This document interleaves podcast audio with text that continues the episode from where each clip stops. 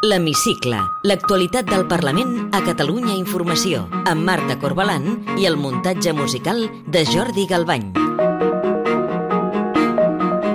El govern ha engegat aquesta setmana les negociacions amb els grups parlamentaris per intentar tirar endavant els pressupostos de la Generalitat del 2023. La seva aprovació no està garantida ni de bon tros. Tenir o no pressupostos és clau perquè d'això en pot dependre la continuïtat de la legislatura. Avui entrevistem la portaveu del grup parlamentari Socialistes i Units per Avançar, Alicia Romero. Benvinguts a l'Hemicicle.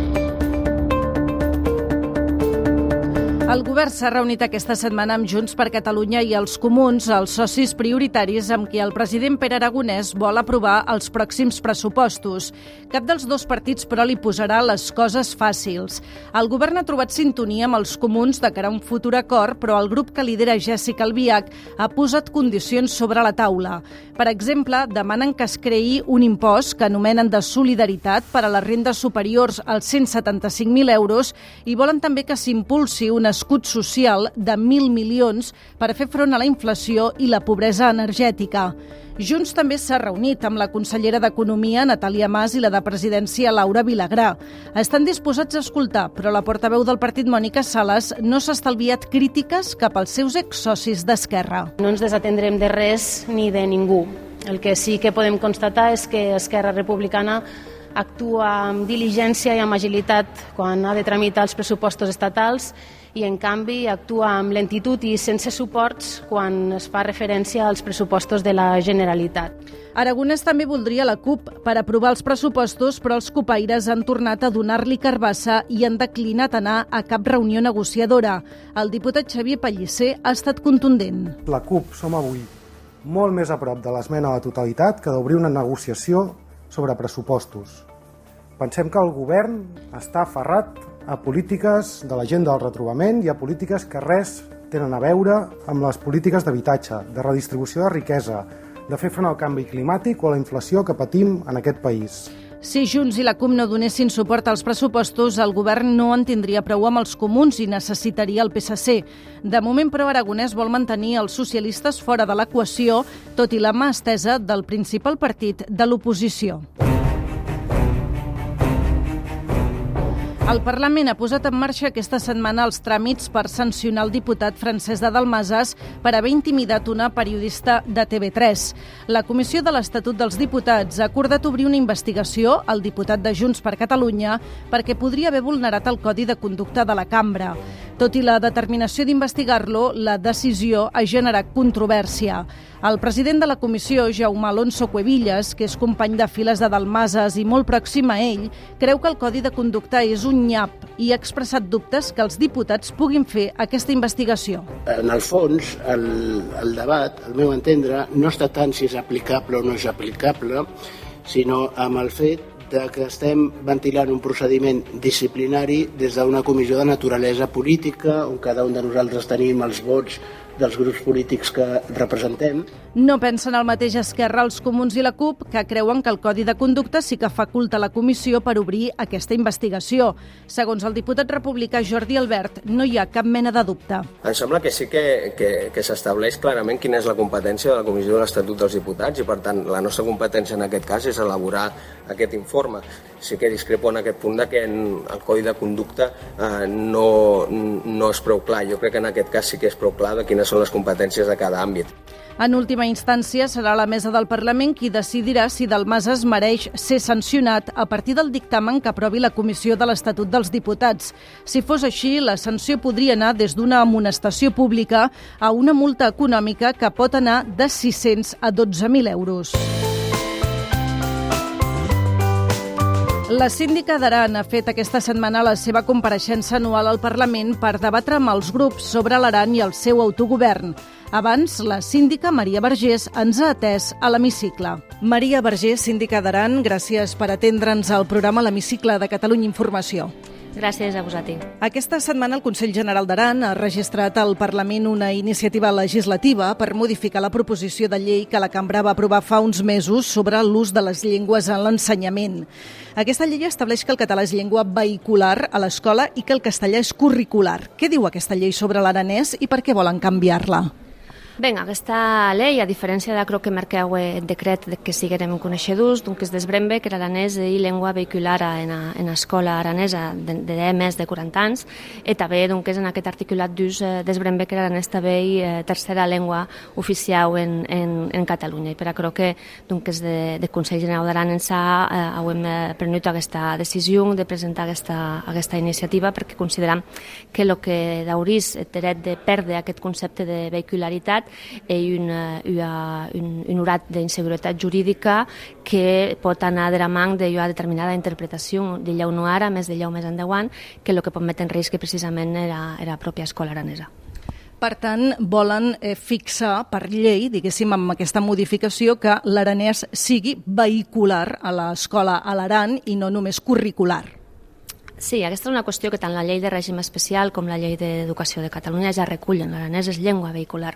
Per tant, és cert que, que aquesta, aquesta llei d'usos de, de, de, de les llengües oficials a, a l'ensenyament universitari doncs, es remet a aquesta normativa, però també no és menys cert que ens, que ens obre, com deia, un ventall d'inseguretat jurídica que ens pot eh, portar doncs, en un determinat moment a que eh, doncs, eh, una qüestió com el, el que és l'ús de la llengua eh, a l'Aran, a, a l'escola, sobretot, que com dic ja fa 40 anys que, que, així, que així ho fa, doncs eh, es pugui obrir una, un conflicte social que durant 40 anys no ha existit. Els nostres nens i nenes acaben l'escolarització obligatòria amb cinc llengües eh, i, i l'aranès és llengua vehicular. Per tant, entenem que això era una qüestió eh, important que a nivell institucional havien de defensar. La Comissió de Cultura d'aquí al Parlament va aprovar fa uns dies una proposta de resolució que demana augmentar els recursos econòmics que rep el Consell General d'Aran en matèria de política lingüística.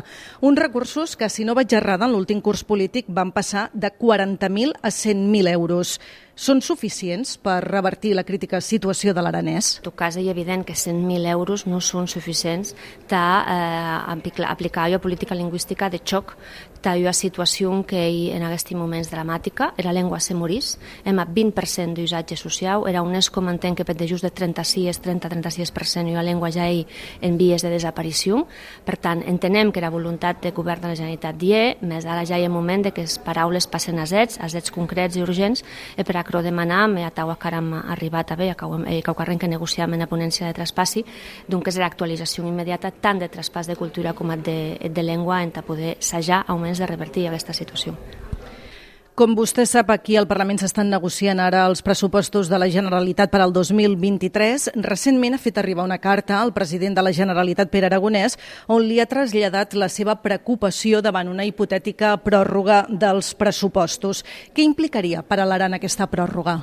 Bé, una pròrroga pressupostària en aquests moments ens implica, de moment, donada l'actualització prevista del pressupost de la Generalitat i, de, i davant de l'acord de, de, de finançament que hi ha entre els dos governs, doncs que, que, el, que el Consell General d'Aran per el 2023 rebés gairebé 4 milions d'euros més, precisament per poder fer inversions i tenir una mica de marge per a aquelles polítiques pròpies que ens van ser eh, brutalment retallades al 2012. No? Per tant, jo el que li he demanat al president és que faci tot el possible perquè aquests pressupostos s'aprovin i avui el que també eh, vull demanar i demanaré als partits polítics que més enllà dels seus interessos pensin també en el benestar de, de la ciutadania de Catalunya en general i en concret també de l'Aran. Maria Vergés, síndica d'Aran, gràcies per atendre'ns a l'hemicicle de Catalunya Informació. Gràcies a vosaltres. Té la paraula. Soc l'Alicia Romero, la portaveu del PSC al Parlament de Catalunya.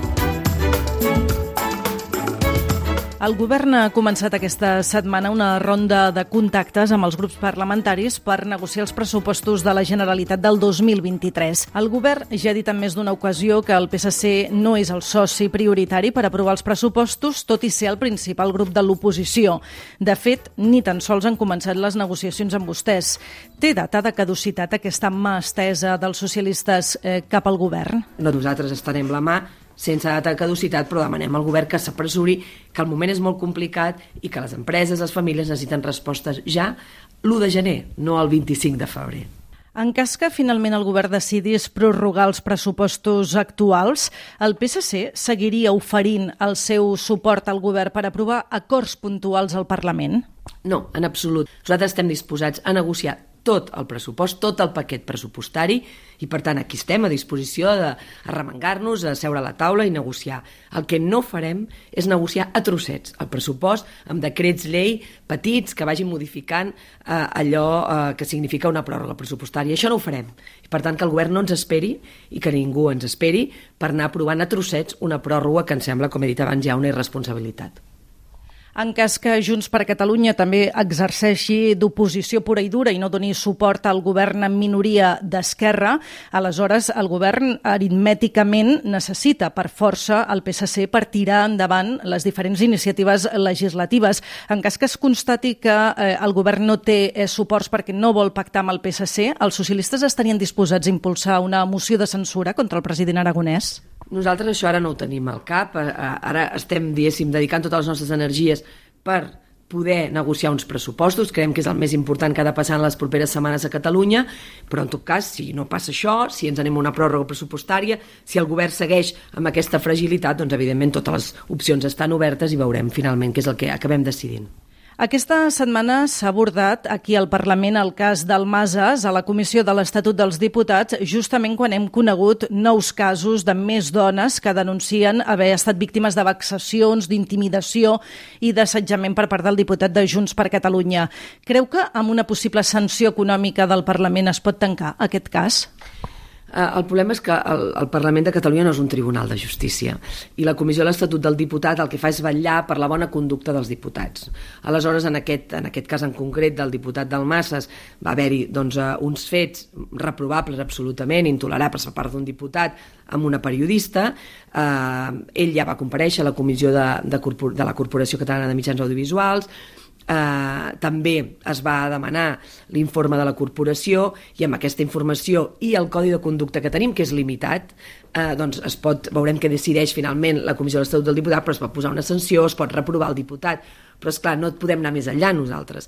En aquest cas, eh, jo crec que el que eh, s'ha de fer, si algú vol anar més enllà és anar als tribunals, perquè nosaltres, crec que al Parlament no li pertoca aquesta funció, sí li pertoca la funció de eh, retreure no? o avisar o mantenir eh, eh, la conducta la bona conducta dels diputats en, en funció d'aquesta condició, no? I és el que ha de fer, eh, o ha fet, o estarà fent aquests dies a Comissió de l'Estatut del Diputat, analitzar aquesta actuació i evidentment doncs, amb els mecanismes que tenim que no són gaires, segons el, el Codi de Conducta doncs, posar la sanció que consideri oportuna finalment aquesta comissió que està conformada evidentment doncs, per un representant de cada un dels grups parlamentaris Creu que Dalmas es hauria de plegar com a diputat?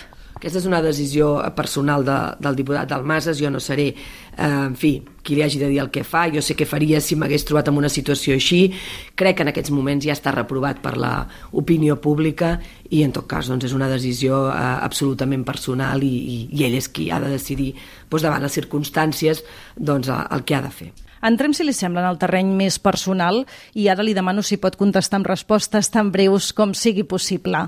Digui'm dos adjectius que la defineixen. Empàtica i treballadora. Com definiria la política catalana en una o dues paraules? Uh, feixuga i desesperant. Quin diputat o diputada, ideologia a banda, fitxaria per al PSC? Quasi sempre acabo dient el David Cid, que és una persona que, que fitxaria pel meu equip, sí.